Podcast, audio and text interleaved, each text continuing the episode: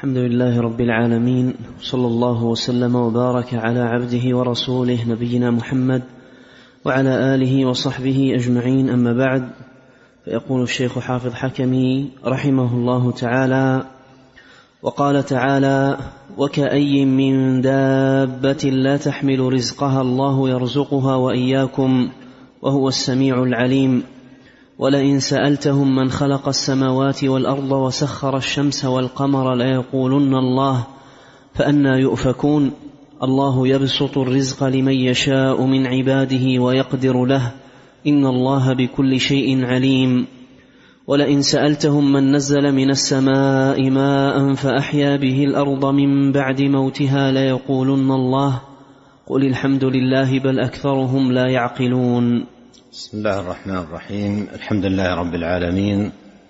وأشهد أن لا إله إلا الله وحده لا شريك له. وأشهد أن محمدا عبده ورسوله صلى الله وسلم عليه وعلى آله وأصحابه أجمعين. اللهم علمنا ما ينفعنا وانفعنا بما علمتنا وزدنا علما وأصلح لنا شأننا كله ولا تكلنا إلى أنفسنا طرفة عين. أما بعد فهذه الآية أو هذا السياق العظيم المبارك فيه برهان من براهين التوحيد والمصنف رحمه الله لا يزال يسوق البراهين على وجوب توحيد الله وإخلاص الدين له وقد تنوعت البراهين على ذلك في كتاب الله عز وجل إقامة للحجة على العباد وإبانة للسبيل ليهلك من هلك عن بينة ويحيى من حي عن بينة وهي براهين واضحات. وينبغي في هذا المقام أن يعلم أن الأمر كلما كانت الحاجة إليه أشد كانت وسائل نيله ومعرفته أكثر من غيره. وأعظم ما يحتاج إليه العبد في حياته توحيد الله وحاجته إليه أشد من حاجته إلى طعامه وشرابه وسائر شؤونه لأن توحيد الله سبحانه وتعالى هو أساس نجاته.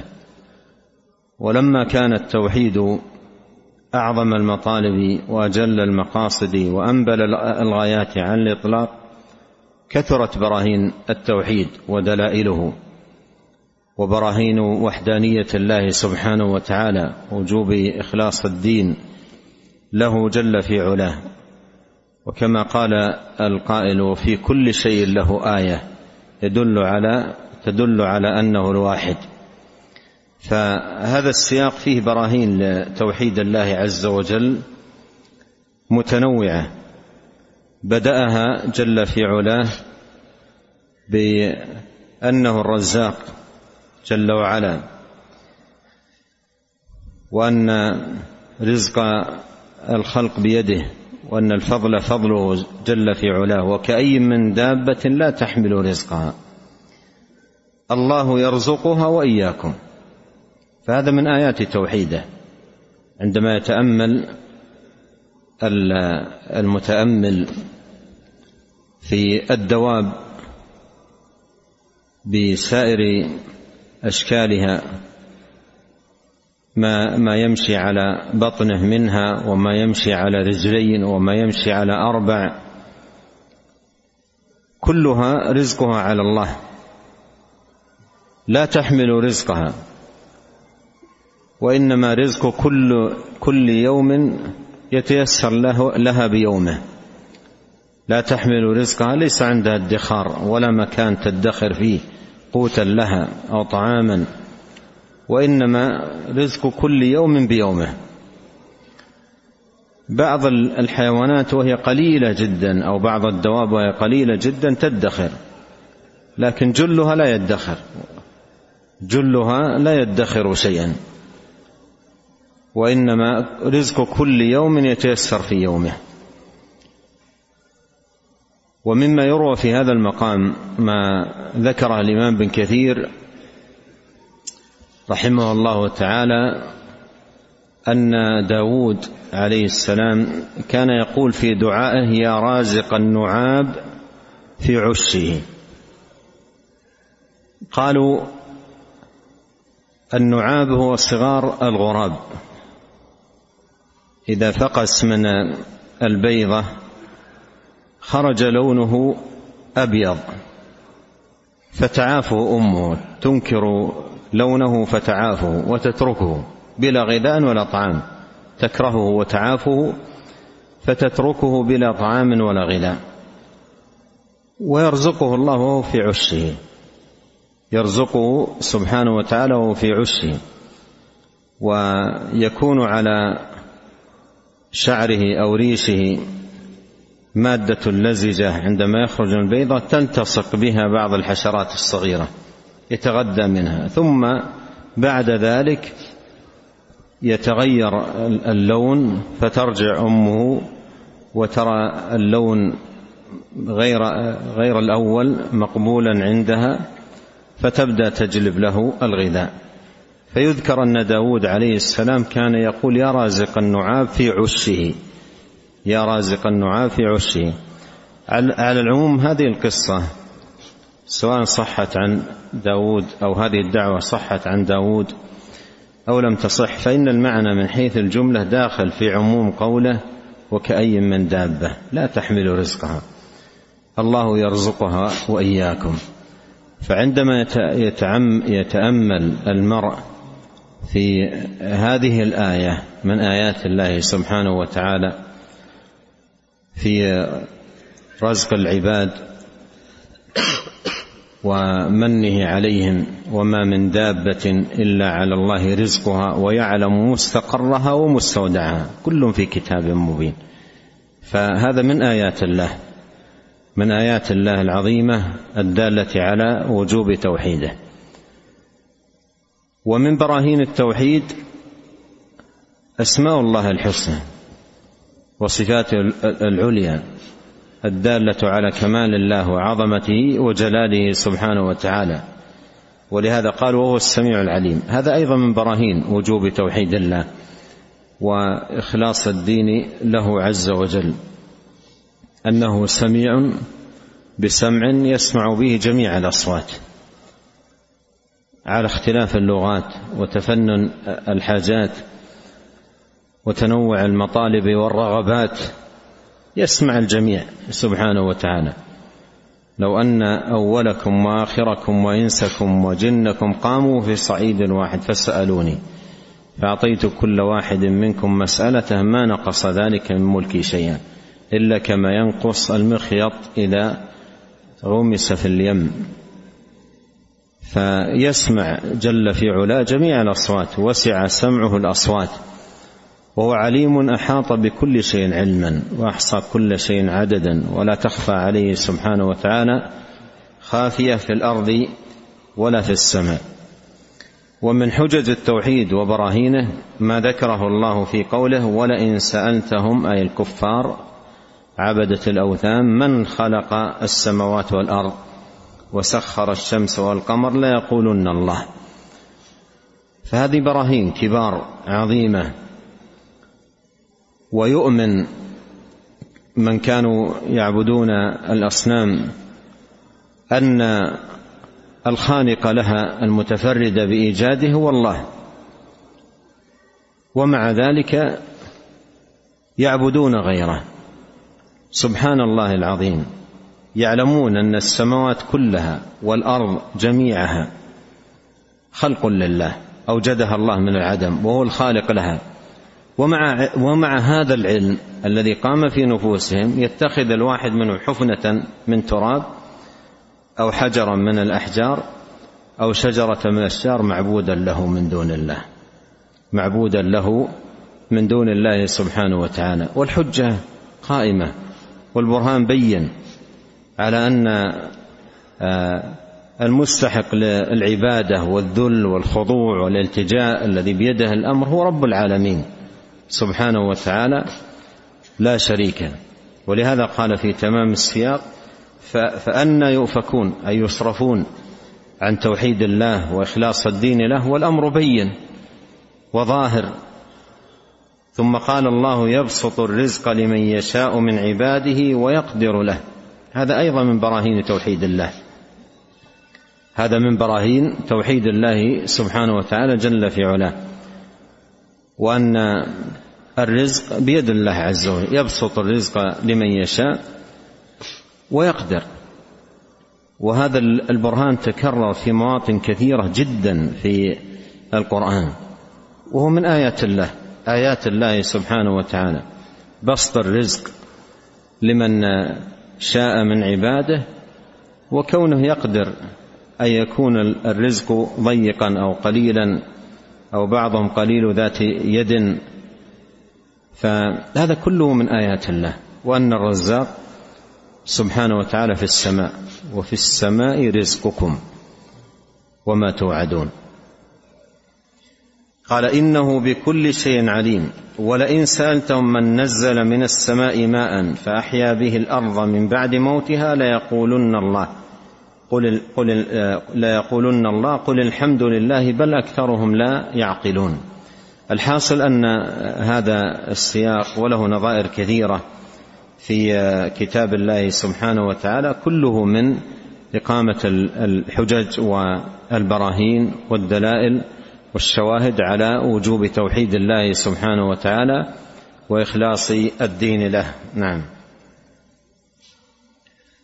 قال رحمه الله تعالى وقال تعالى فإذا ركبوا في الفلك دعوا الله مخلصين له الدين فلما نجاهم إلى البر إذا هم يشركون. نعم. تقدم نظير لهذا البرهان على وجوب توحيد الله سبحانه وتعالى.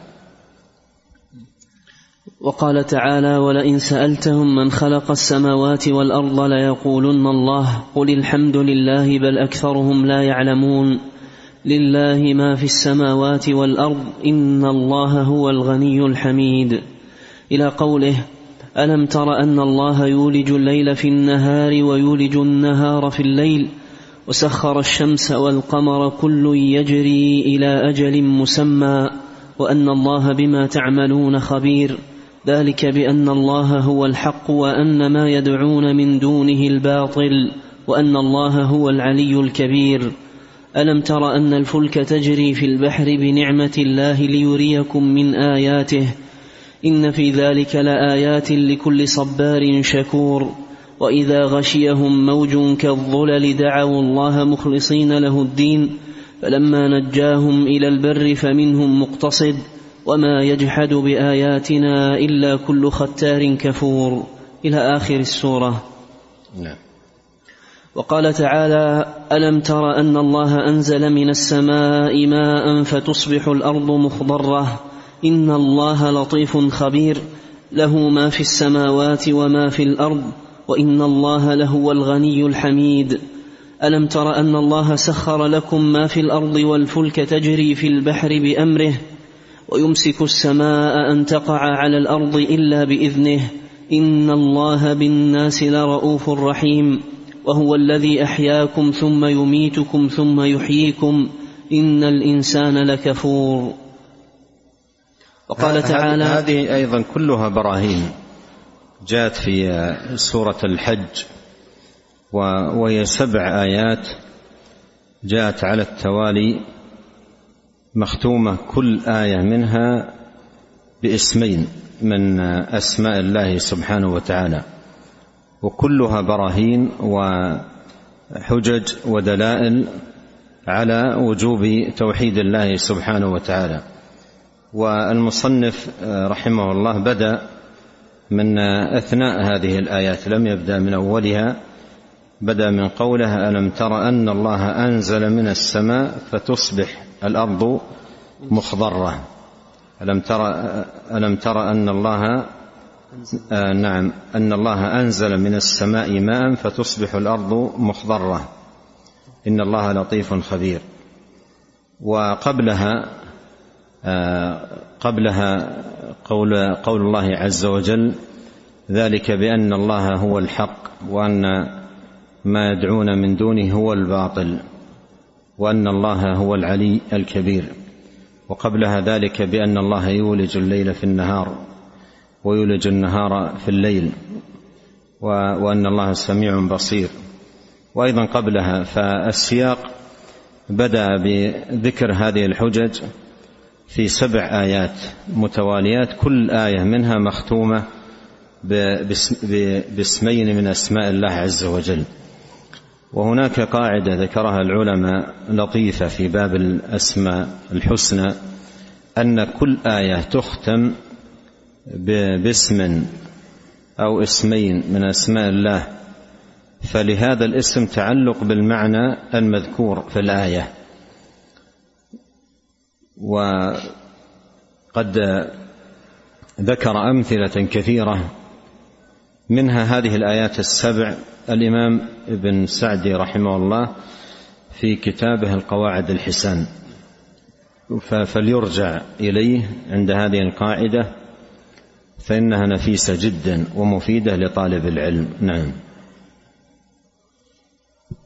قال رحمه الله تعالى وقال تعالى ولقد خلقنا الإنسان من سلالة من طين ثم جعلناه نطفة في قرار مكين ثم خلقنا النطفة علقة وأنبه على أمر سبقا أيضا نبهت عليه وهذا يظهر في نسختي لا دون نسختكم هذه الفائدة. الشيخ رحمه الله كان يكتب هذه الآيات من حفظه. كان يكتبها من حفظه ما كان ينقلها. ولهذا مر معي ونحن نقرأ الآن مواطن تدل على ذلك.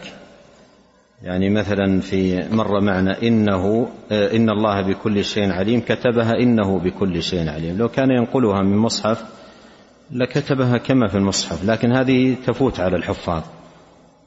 تفوت مثل هذه على آه، الحفاظ. مثل أيضا مر معنا قول تجري آه، كل يجري إلى أجل مسمى. كتبها لأجل.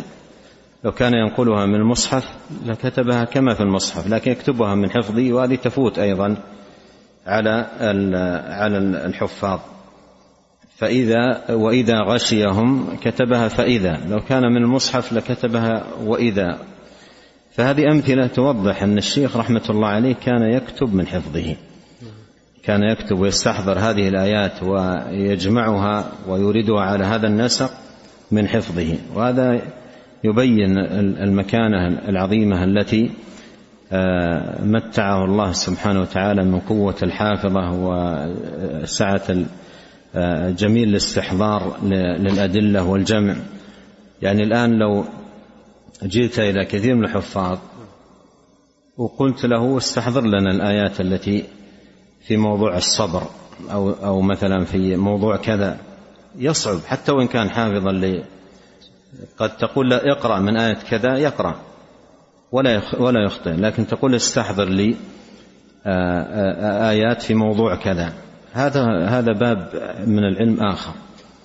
الاستحضار للآيات والجمع وخاصة بهذا الجمع العجيب الذي ترى أمامك. هذا الجمع الذي تراه لا موسوعة شاملة ولا غيره. الآن مثل هذا الجمع أو أكثر منه يفعل بعضهم بطقة زر كما يقال في المكتبة الشاملة أو غيرها. لا هذا علم. هذا ثمرة علم وحفظ وممارسة وعناية بكتاب الله سبحانه وتعالى. ولهذا سبحان الله مثل هذا الجمع الذي يكون عن علم له وقع في النفوس وأثر فيها أكثر من آه، حصاد جمع المتشابهات من خلال المكتبة الشاملة أو غيرها. هذه ما ما يكون لها ذاك الوقع أو ذاك الأثر. نعم.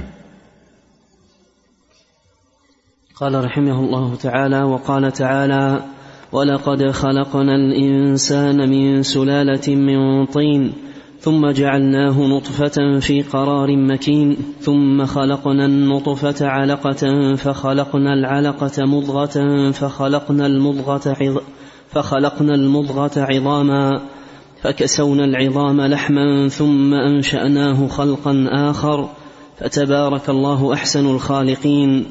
ثم إنكم بعد ذلك لميتون ثم إنكم يوم القيامة تبعثون.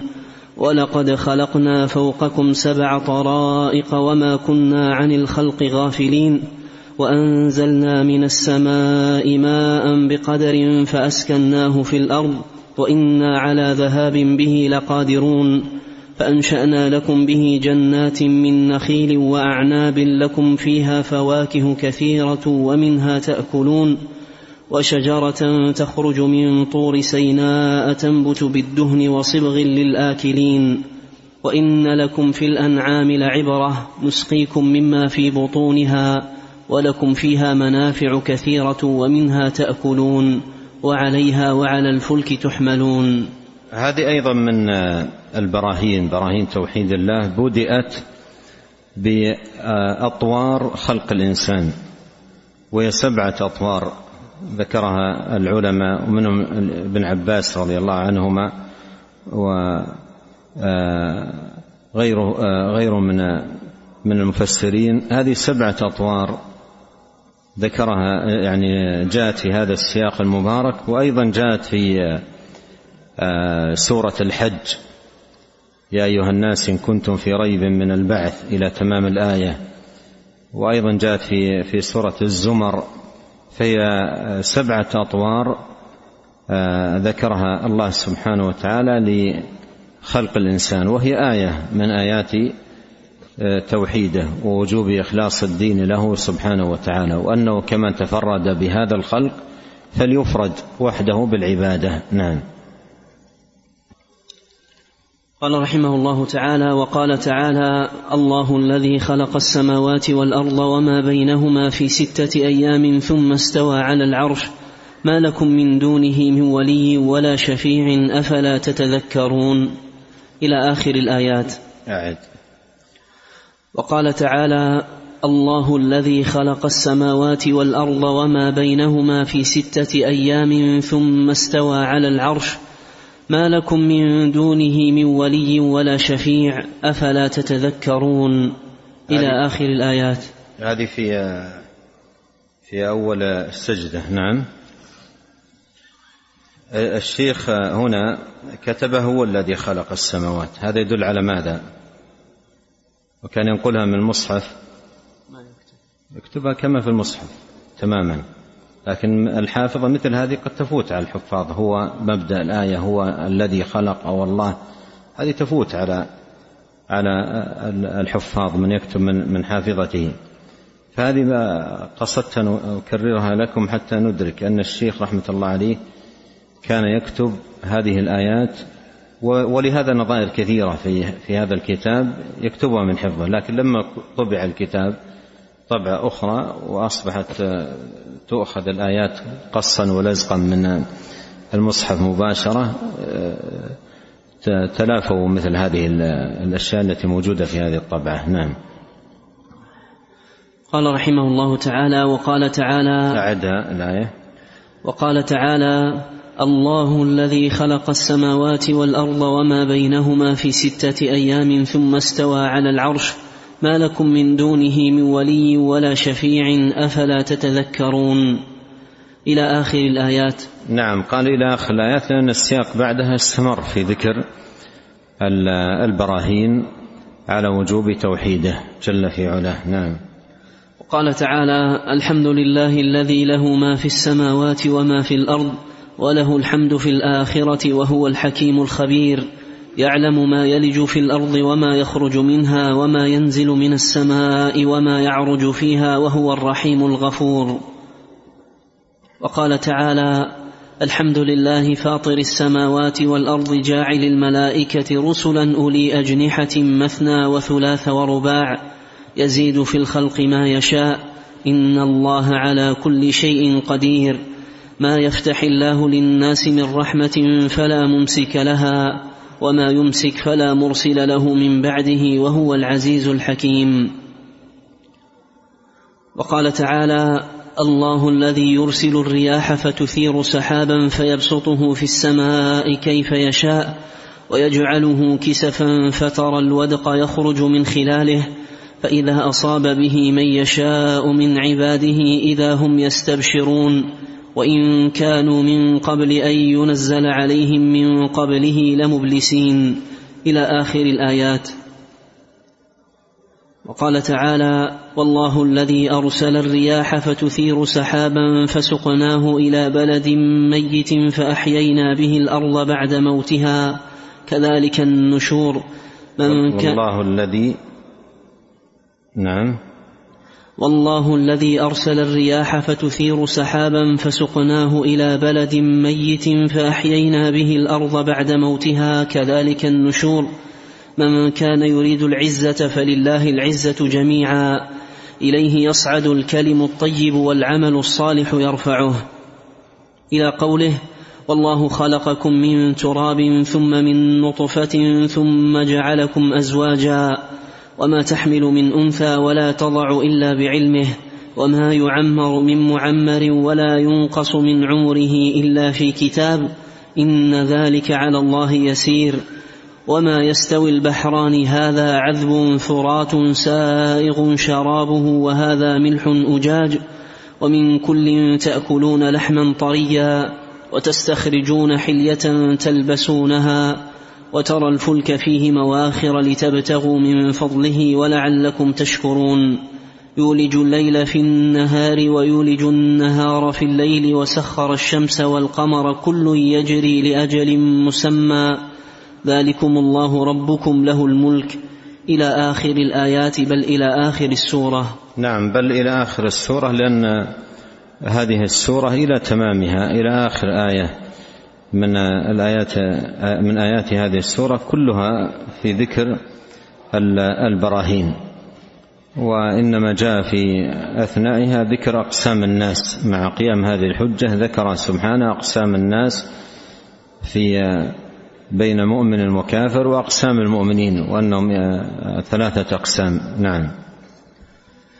وقال تعالى الله الذي خلقكم ثم رزقكم ثم يميتكم ثم يحييكم هل من شركائكم من يفعل من ذلكم من شيء سبحانه وتعالى عما يشركون وقال تعالى وإذا مس الإنسان ضر دعا ربه منيبا إليه ثم إذا خوله نعمة منه نسي ما كان يدعو إليه من قبل وجعل لله أندادا ليضل عن سبيله.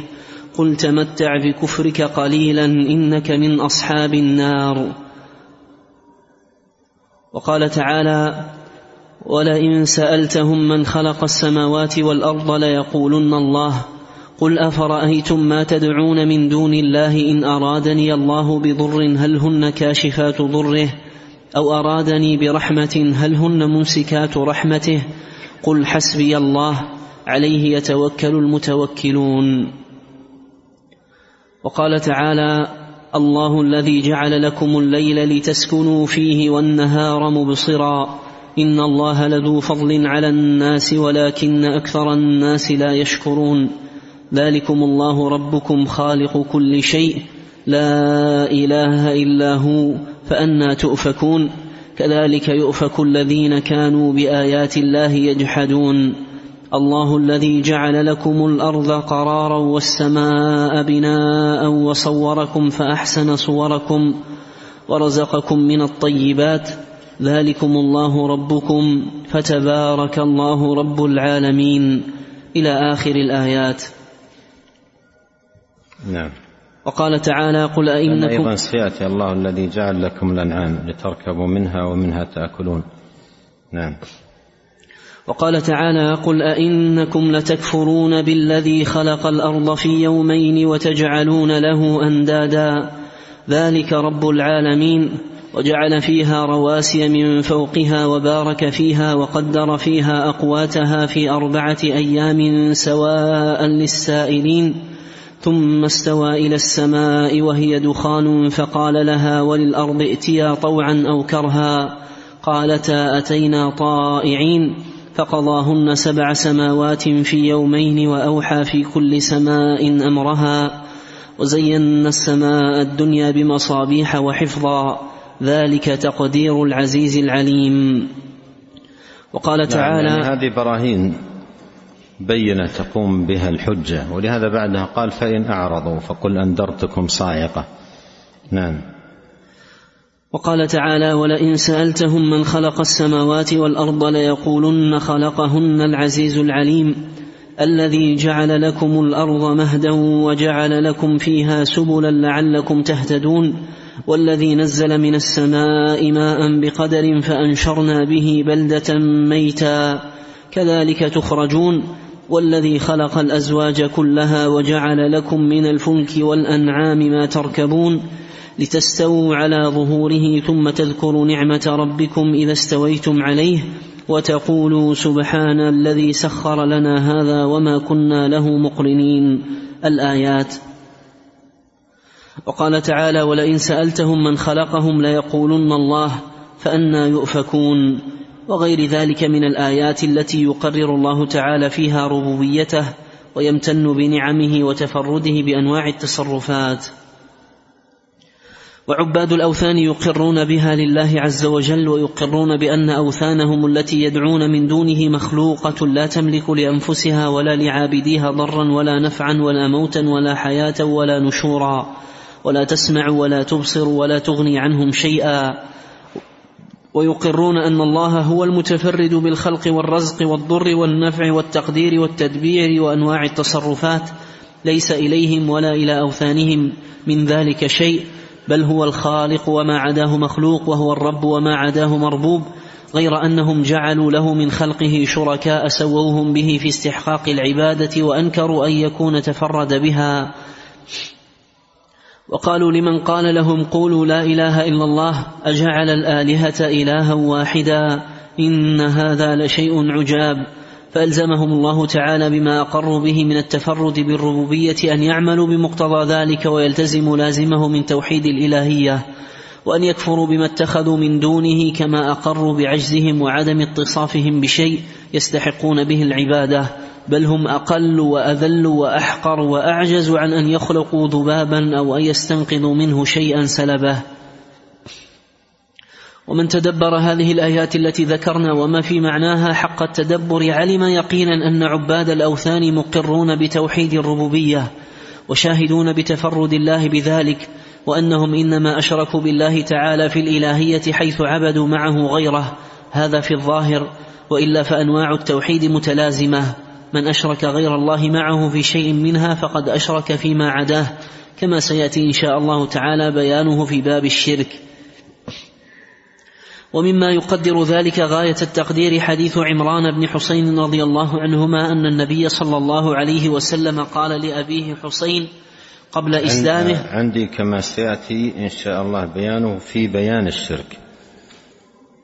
نعم. ما في تبويب عند الشيخ. حتى هنا في بيان ما أدري كيف. نعم. أحسن الله عليك. قاله مما يقدر ذلك غاية التقدير حديث عمران بن حسين رضي الله عنهما أن النبي صلى الله عليه وسلم إقرار إقرار الكفار المشركين بالربوبية هذا لا ينفعهم ولا ولا ينجيهم من عذاب الله سبحانه وتعالى لأن هذا الإقرار لا يكفي ولا ينجي. لا يكفي بأن يكون المرء به موحدا.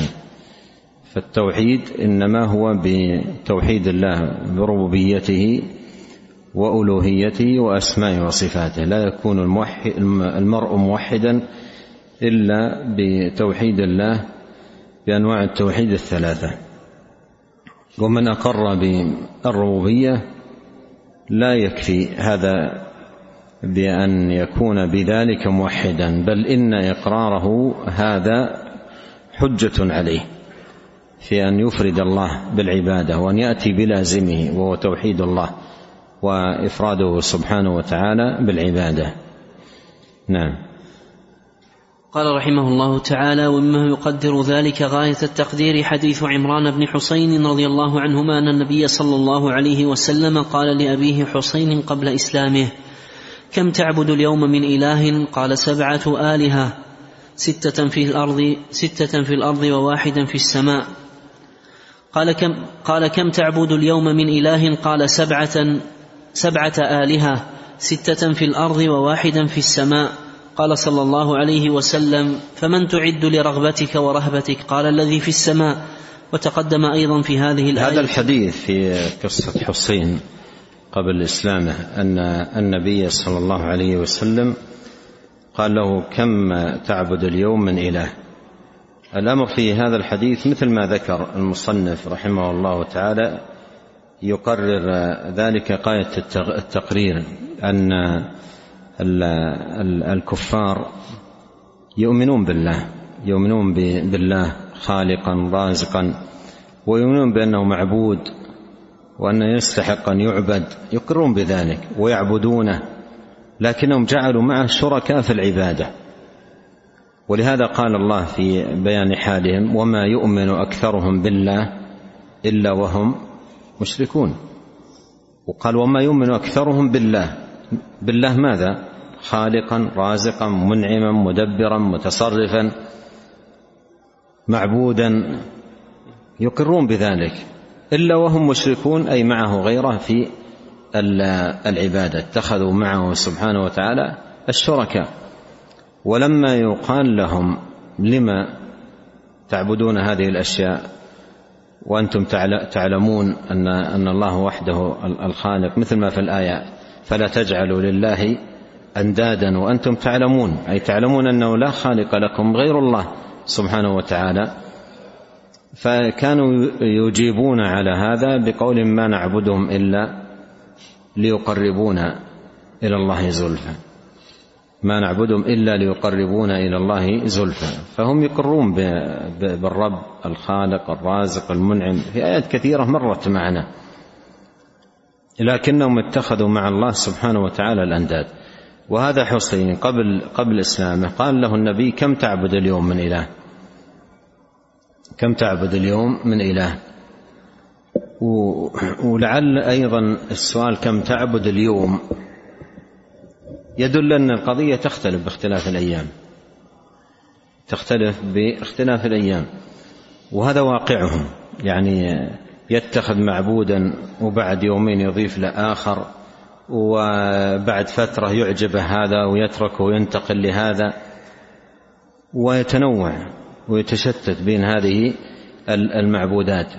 قال كم تعبد اليوم؟ كم تعبد اليوم؟ فمثلا بعضهم قد يكون في يوم يعبد مثلا ستة ويسأل بعد شهر كم تعبد اليوم؟ يكونون زاد العدد أو يكون نقص العدد. هذا أعجبه وهذا أعجب إليه وهذا كذا إلى آخره. قال كم تعبد اليوم من من إله؟ كم تعبد اليوم من إله؟ كم تعبد اليوم من إله. وأيضا قد يفقد بعض الآلهة. يكون يعبد مثلا ستة وبعد أيام يفقده. يفقد واحد منهم.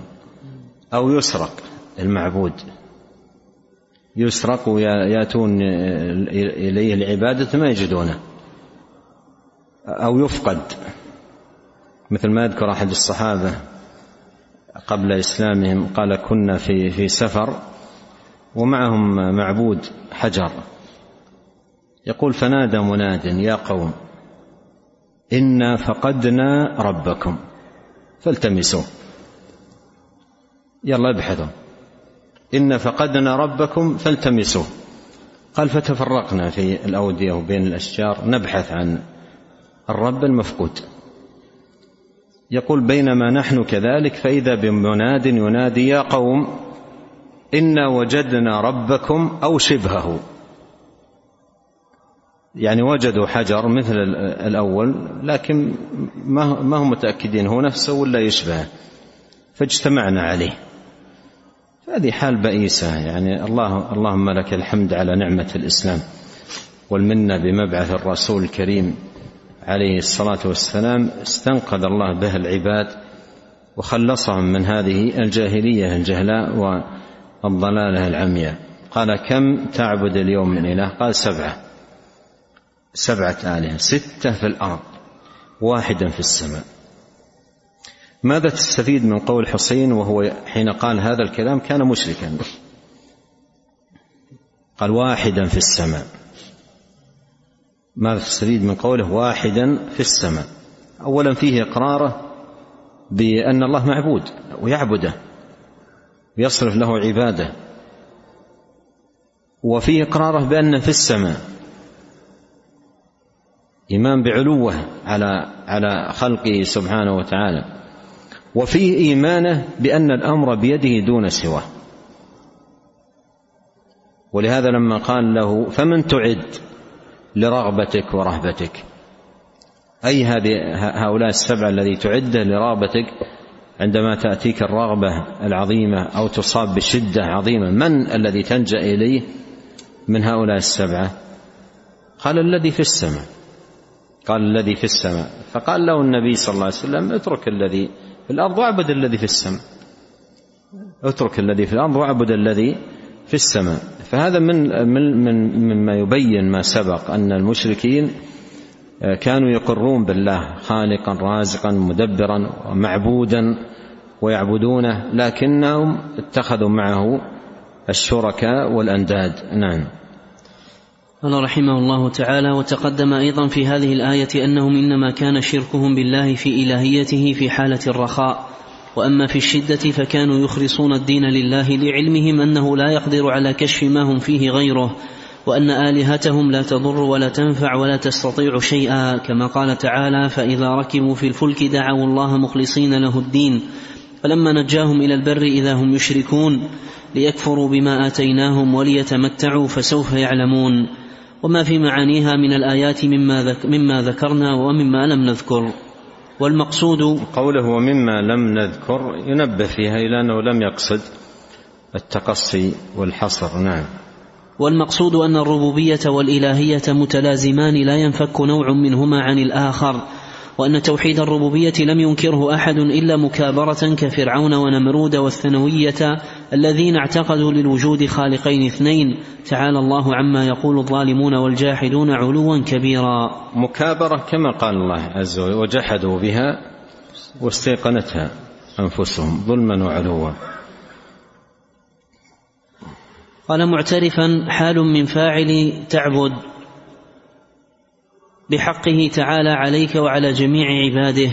لا جاحدا وحقه عليك أن تعبده لا تشرك به شيئا كما قال تعالى واعبدوا الله ولا تشركوا به شيئا وقال وقضى ربك ألا تعبدوا إلا إياه وقال أن اعبدوا الله ما لكم من إله غيره وغيرها من الآيات سنذكر ما تيسر منها قريبا إن شاء الله. وفي الصحيحين عن معاذ بن جبل رضي الله عنه قال كنت رديف النبي صلى الله عليه وسلم على حمار فقال لي يا معاذ أتدري ما حق الله على العباد وحق العباد وما حق العباد على الله؟ قلت الله ورسوله أعلم. قال حق الله على العباد أن يعبدوه ولا يشركوا به شيئا وحق العباد على الله ألا يعذب من لا يشرك به شيئا. الحديث. نعم الآيات التي ذكر قال وسيأتي لها نظائر. وهذا الحديث حديث معاذ عندما بعثه النبي عندما كان رديف النبي عليه الصلاة والسلام على حمار فيه أن العباده حق لله حق لله دون دون ما سواه وله دعوة الحق وحده جل وعلا. لا لا يستحقها غيره ولا يجوز أن تصرف لأحد سواه كائنا من كان فهو المعبود بحق ولا معبود بحق سواه. وهذا سيأتي له تفصيل عند المصنف رحمه الله تعالى. ونسأل الله الكريم رب العرش العظيم أن ينفعنا أجمعين بما علمنا وأن يزيدنا علما وتوفيقا وأن يصلح لنا شأننا كله والا يكلنا إلى أنفسنا طرفة عين. اللهم اغفر لنا ولوالدينا ولمشايخنا ولولاة أمرنا وللمسلمين والمسلمات والمؤمنين والمؤمنات الأحياء منهم والأموات. سبحانك اللهم وبحمدك أشهد أن لا إله إلا أنت أستغفرك وأتوب إليك. اللهم صل وسلم على عبدك ورسولك نبينا محمد وآله وصحبه. جزاكم الله خيرا